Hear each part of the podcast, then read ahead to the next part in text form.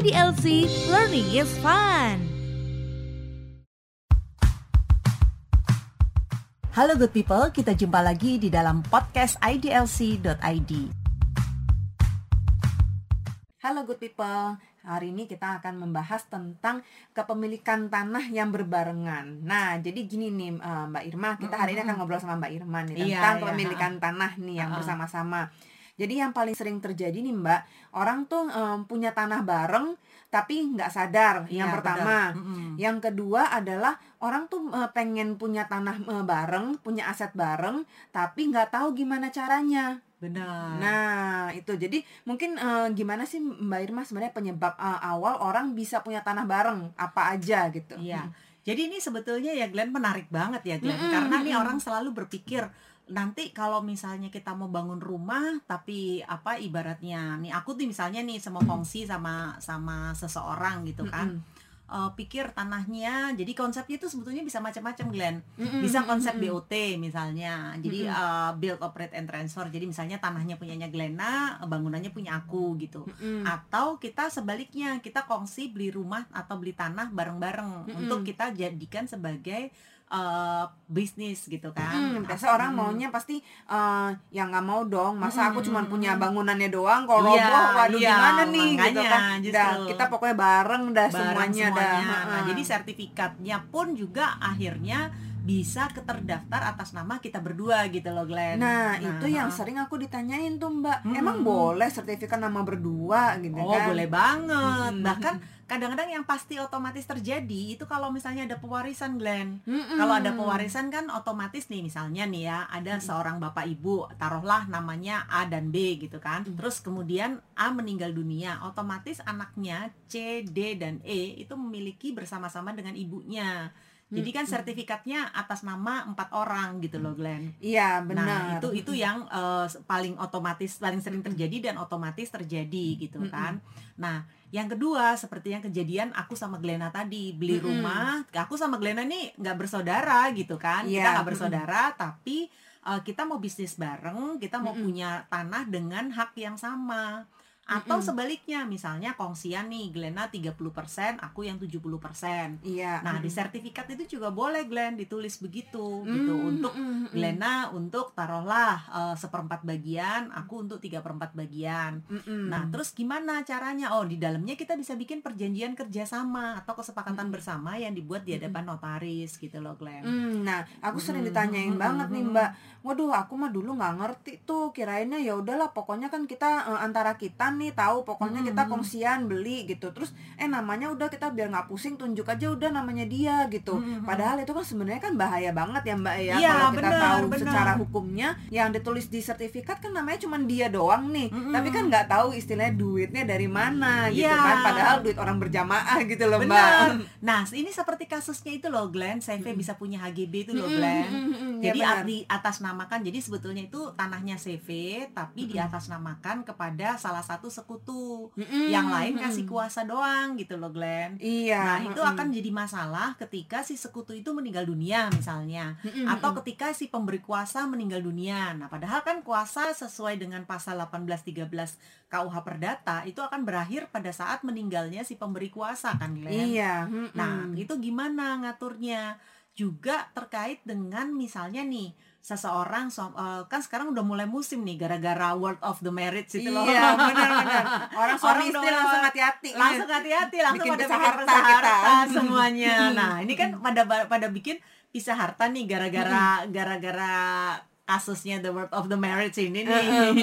Nah akhirnya dengan adanya pisah harta padahal nih rumahnya dibeli bareng-bareng nyicil bareng-bareng jadi gitu kan Nah, untuk pembuktikan ini jadi mau di atas namain siapa? Kalau di atas namain suami, masa iya istri yang udah uh, bayar ikut bayar cicilan dan kemudian Mm-mm. juga istrinya bekerja, itu nggak punya bagian gitu loh, Glenn. Mm-mm. atau bisa jadi Ya, juga memang Mm-mm. eh, mereka menyepakati walaupun oke salah satu pihak yang eh, beliin tapi terus menyepakati ini eh, jadi milik bersama ya jadi kan Iya. kalau udah dipisah kan nggak ada percampuran sama sekali Mm-mm. tapi kalau mau secara kesepakatan mau mencampur harta Iya. otomatis kan berarti harus ada ja- jalan keluarnya dong Nah, Mm-mm. itu jadi akhirnya kalau misalnya kondisinya seperti itu, sertifikatnya di atas namakan eh, si suami dan si istri juga. Mm-mm. Walaupun mereka ada pisah harta, nantinya eh, pada saat terjadi pewarisan, istrinya tuh tetap punya hak setengahnya gitu loh, Heklen. Nah, nanti si istri itu pada saat suami misalkan meninggal dunia, sepanjang memang istri adalah ahli waris dalam arti masih terikat dalam perkawinan, dia dapat lagi bagian dari yang punyanya Si suaminya, yang si suaminya. setengah itu Mm, baru mm. dibagi ke istrinya dan anak-anak gitu loh, Glenn.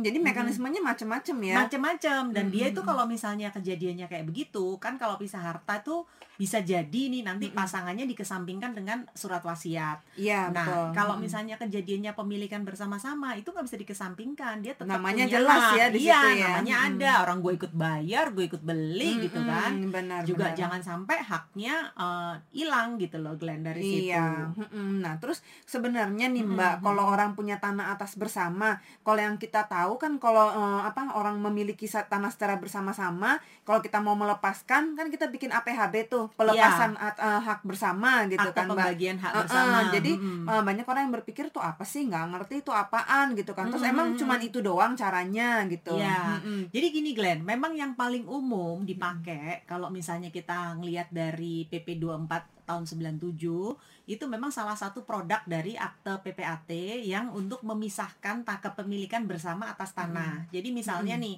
eh, bersaudara empat orang, sertifikat terdaftar atas nama empat orang, taruhlah Mm-mm. namanya A, B dan C serta D.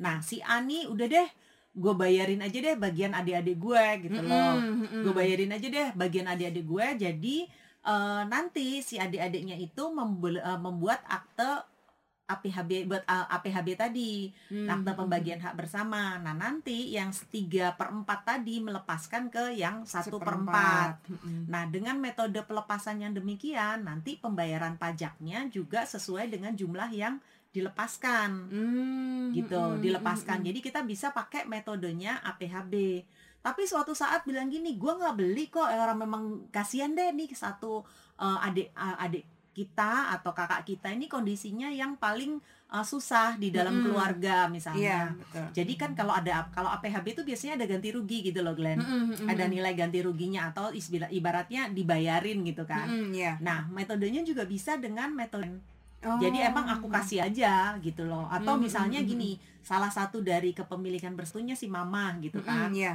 Mama karena mama ini pikir ah kan papa meninggal dunia.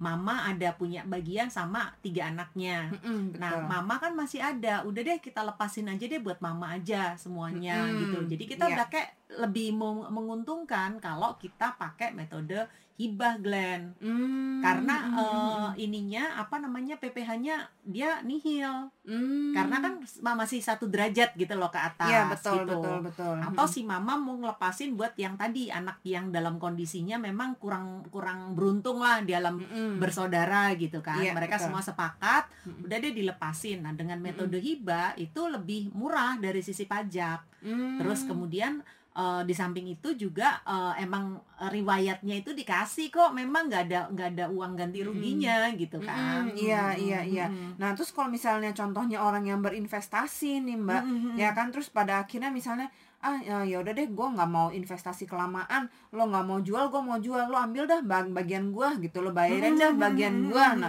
itu kan nggak bukan berarti dengan APHB kan Enggak. Mm-mm. Jadi misalnya misalkan gini nih seperti tadi ceritanya, aku sama Glena eh, sama-sama nih beli tanah. Mm-mm. Terus kemudian kita diriin kafe nih Glenn, misalnya Iya. nih yang Glenn, Mm-mm. kita diriin kafe.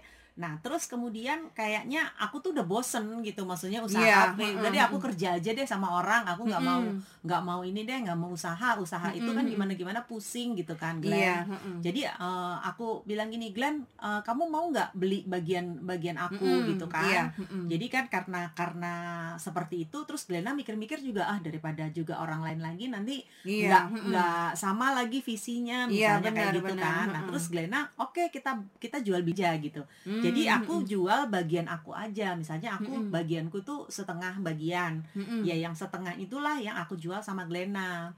Mm-mm. Atau misalnya tiba-tiba ah Glenn apa namanya aku kayaknya nggak bisa deh beli terlalu apa investasinya ah, nggak cukup Mm-mm. uangnya. Mm-mm. Terus aku jual nih sama orang lain sama pihak ketiga. Boleh nggak? Boleh gitu loh Glenn. Hmm, jadi jualnya bagiannya, bagiannya aja, Mm-mm. bagiannya aja. Jadi nanti kita di dalam akte PPAT atau akte pengalihan haknya nanti jual cuman jual berdasarkan bagiannya dengan Hmm. persetujuan dari pasang dari orang yang namanya ada gitu loh di dalam Hmm, sertifikat iya, nah iya, itu iya. yang sering orang eh, berpikir gimana ya caranya kepemilikan bersama seperti tadi gitu Iya, loh, Glenn. heeh. Hmm. soalnya yang paling sering kita temuin adalah pada akhirnya tuh menjadi masalah setelah eh, kita Hmm. udah investasi nih, udah naruh duit bareng-bareng, oke ya, kongsian kayak Hmm, kita hmm, hmm, eh, lo chip in berapa nih gitu kan, Iya, udah. Istilahnya kayak kita masukin eh, kalau kita zaman dulu nih masukin duit ke celengan bareng-bareng, tapi terus duit di celengan ini dipakai buat beli sesuatu gitu Iya, kan. benar. Nah, benar, terus Glenn. tapi akhirnya pada saat keluar ternyata yang dipakai adalah nama satu orang, ya Nah, kan? itulah yang sering jadi masalah Mm-mm, Glenn seperti iya. yang podcast kita nomor satu tuh Glenn tentang Iya. bagaimana bisa nggak sih kita eh, HGB atas nama CV gitu Iya kan benar itu yang bener dan itu nyata banget sering Nyata banget banget, terjadi banget dan pada banget, akhirnya heeh. gugat menggugat gitu loh Benar, mbak. benar. Jadi itu kejadiannya nyata banget temen aku sendiri ngalamin hal itu gitu. Mm-mm, Dia udah uh, invest dan nilainya juga nggak kecil juga. Mm-mm, Terus akhirnya dia bilang loh sekarang kok tanahnya udah dijual. Dia bilang katanya Mm-mm. orangnya udah jual udah nggak punya lagi. Dia bilang Mm-mm. lo duit gue gimana nih kan Iya. dulu waktu lo beli kan pakai duit gue juga gitu. Nah itu Dan- yang sering jadi jadi Mm-mm. sengketa Glenn Heeh. karena nggak ada bukti juga kan Nah, bahwa sertifikatnya masalah misalnya nih ha, misalnya nih kita datang ke notaris atau PPAT PPAT sama notaris juga nggak bisa bilang "E, ini nama yang satunya ini katanya dia katanya kongsi kok ini namanya cuma satu orang? Ya ya udah kita mintanya Iya. kan persetujuan dari pasangan. Kalau dia meninggal persetujuan dari ahli waris dia. Padahal Mm-mm. itu uangnya uang bersama gitu loh Glenn. Nah Mm-mm. itu yang sering apalagi kalau udah pindah notaris. Nah itu Mm-mm. makanya. Jadi kita pun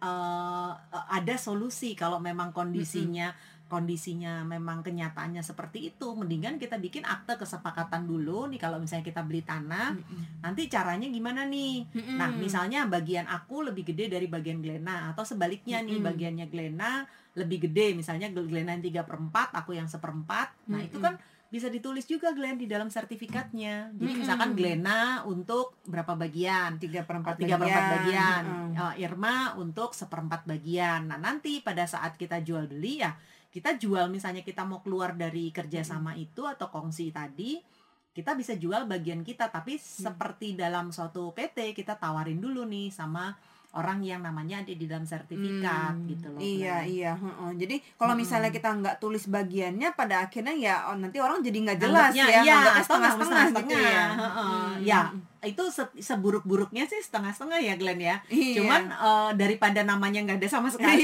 gitu Iya, kan. benar, benar, nah, benar, itu iya. masalahnya. Heeh. Jadi kadang-kadang orang tuh berpikir selalu aduh kayaknya nggak nggak mungkin lah di dalam sertifikat itu ada beberapa nama Iya, padahal itu bisa banget Bisa, banget, ya. heeh. Heeh, misalkan gini nih Glenn juga pernah terjadi yang pernah aku alami nih Glenn Mm-mm. ahli warisnya itu sebetulnya cuma ada lima tapi Mm-mm. karena sertifikat apa tanahnya itu eh, susah lakunya Mm-mm. sampai yang salah satu yang tiga orang dari lima itu udah meninggal Glenn Ya ampun, berguguran Iya. satu-satu ya. Iya, jadi berguguran karena kan nggak nggak misalnya nih ya Mm-mm. tanah yang ada di taruhlah di Sudir Jal- Jalan Jenderal Sudirman kan mahal banget misalnya Iya, nih. heeh, benar-benar. Lakunya kan susah misalnya kan Mm-mm. karena nilainya gede. Itu Mm-mm. sudah sampai meninggal yang itunya bapaknya, udah ke anaknya, udah ke anak eh, anaknya lagi turun lagi ke cucu. Jadi kadang-kadang Iya. bisa satu tanah itu dimiliki sama 30 orang gitu loh Glenn. Waduh, iya, apalagi kayak kayak misalnya contohnya punya pabrik yang eh, Hmm. ribuan meter, Iya, harganya ratusan hektaran. miliaran Oh, gitu kan. benar, benar. Itu dan kejadian itu jadi dalam satu sertifikat lagi Iya, misalnya gitu iya, kan. benar. Mm-mm. Jadi misalnya gini nih kan ada orang nih misalkan empat eh, empat orang atau lima orang tadi A B C D E. Nah misalkan A sudah meninggal digantikan sama A1, A2, A3. Eh A3-nya ini juga meninggal digantikan lagi sama A1, 2, A1, 3, A1, 4 gitu loh. Jadi akhirnya mm-mm, udah turun temurun. Nah pada waktu balik apa pada waktu misalnya kita akan lakukan eh, pembah eh, perubahan terhadap sertifikat itu kita harus lakukan balik nama dulu kepada seluruh Hmm. ahli waris tadi. Misalnya Mm-mm. A yang meninggal, oh iya ahli warisnya A tuh siapa, keterangan warisnya mana dan sebagainya, mm-mm, bayar pajak warisnya. Walaupun si eh, D dan E ini masih hidup, tapi di dalam sertifikat tuh tetap dicoret yang bagian namanya si eh, yang bersangkutan baru ahli warisnya siapa misalkan dia meninggal lagi ahli warisnya lagi siapa gitu loh. Mm-mm. Jadi sampai banyak banget pun bisa ya mbak bisa ya sebetulnya ya. Aku Apalagi cuma berdua iya, investasi. berdua orang aku pernah ngalamin satu sertifikat dimiliki 30 orang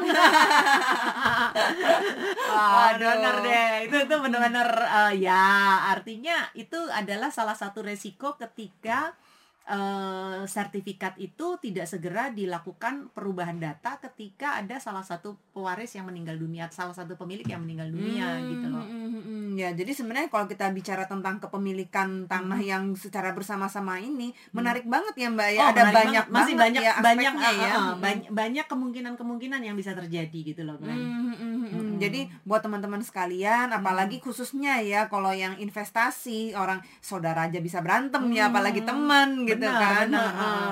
Termasuk itu tadi ya suami istri ya Glenn ya Benar, suami Jadi- istri aja bisa berantem, bisa cerai, Hmm, jadi rebutin jelas. satu rumah gitu. Benar. Mm. Jadi jelas juga misalnya nih istrinya seperti yang tadi aku sampaikan kita bayarnya bareng-bareng kok kok tiba-tiba Mm-mm. nama kita nggak ada ya di situ gitu iya, kan. betul betul. Heeh. Nanti cara pembuktiannya gimana kan? Mm-mm. Jadi ini sebenarnya lebih pada akhirnya adalah tujuannya ke pembuktian ya Mbak ya. benar. Jadi benar kalau banget. kita cuma nyetor, memang benar ada bukti setor, ada bukti Iya, eh, transfer heeh, dan lain sebagainya. Tapi kan harus dibuktikan di pengadilan gitu Betul, kan Mbak. Kalau pada saat kita udah can- cantumin nama kita dalam sertifikat itu, otomatis kepada pihak ketiga pun mereka langsung tahu udah ada bukti kepemilikannya Hmm, ini. hmm, Jadi nggak hmm. mungkin terlewat gitu kan. So, sam- ada aku juga pernah ditanya nih Glenn yang pemilikan bersama ini. Misalnya nih dia eh, kan tadi kan contohnya Mbak Irma kan tadi bikinnya ada orang pisah harta. Kalau nggak pisah harta apakah tetap perlu ditulis namanya gitu kan? Oh dia nggak akan nggak akan jual kalau misalnya nggak ada, ada persetujuan pasangan. pasangan. Mm-mm.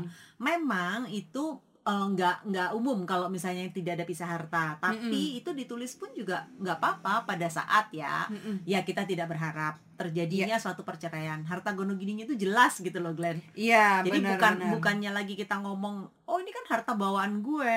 Kan Mm-mm. ya sekarang itu problemnya itu membuktikan harta yang dibawa ke dalam perkawinan Glenn. Iya, Nah, benar itu benar benar. di pasal 36 sama pasal 37 eh, tepat tepatnya sih pasal 36 di Undang-Undang Nomor 1 tahun 74 Glenn. Apalagi kejadiannya Hmm. kalau dari pacaran nyicil bareng Nah, tuh. itu atau misalnya ternyata dia harus membuktikan jadi misalkan gini, tapi uang yang aku peroleh itu dulu dikasih sama papa sama mama gitu kan Mm-mm, sebagai hadiah mm-mm. perkawinan. Nah, sekarang kan pembuktiannya jadi agak-agak eh, Panjang belibet banget gitu ya, kan. ribet banget Nah, jadinya. belibet. Mm-mm. Jadi nah namanya nah hal-hal seperti itulah yang eh, bisa di di apa sih istilahnya bisa diantisipasi dengan membuat adanya kepemilikan bersama yang lebih jelas gitu loh. Glenn. Mm-mm, iya Mm-mm. benar-benar ada Mm. juga kadang-kadang kejadiannya eh, misalnya nih si eh, orang tua yang ngebeliin anaknya masing-masing Mm-mm. misalnya gitu kan jadi antara si eh, orang tua laki-laki orang tua perempuan kita eh, joinan nih beliin bareng gitu kan ya Mm-mm. otomatis masing-masing orang tua mau jaga haknya masing-masing Nah iya, anaknya dong benar, ya benar, Mm-mm. benar. Makanya kadang-kadang orang tuanya itu dari awal udah bikin wasiat lah, apa orang tuanya udah Mm-mm. bikin, udah deh lo bisa harta aja deh daripada pusing gitu kan. Iya, heeh. Apa nanti mama sama mama sama papa mau ngasih apa-apa jadi Susah kepikir, banget, Oh, susah banget. Ntar suami lo minta-minta lagi kalau misalnya Iya, dapat. Oh, istri lo nanti ini lagi ngerasa Mm-mm. itu punya lo gitu kan. Iya, Padahal dari mm-mm. dari mama sama papa misalnya kayak Iya gitu loh, betul Glenn. betul ketakutan direbut istilahnya Heeh, gitu padahal iya, sebelum iya. tahu si pihak pasangannya Iya, baik apa enggak benar. gitu Walaupun ya kita kan tetap menikah itu dengan tujuan untuk sehidup semati sehidup semati. Tapi kadang-kadang ada hal juga dengan kondisi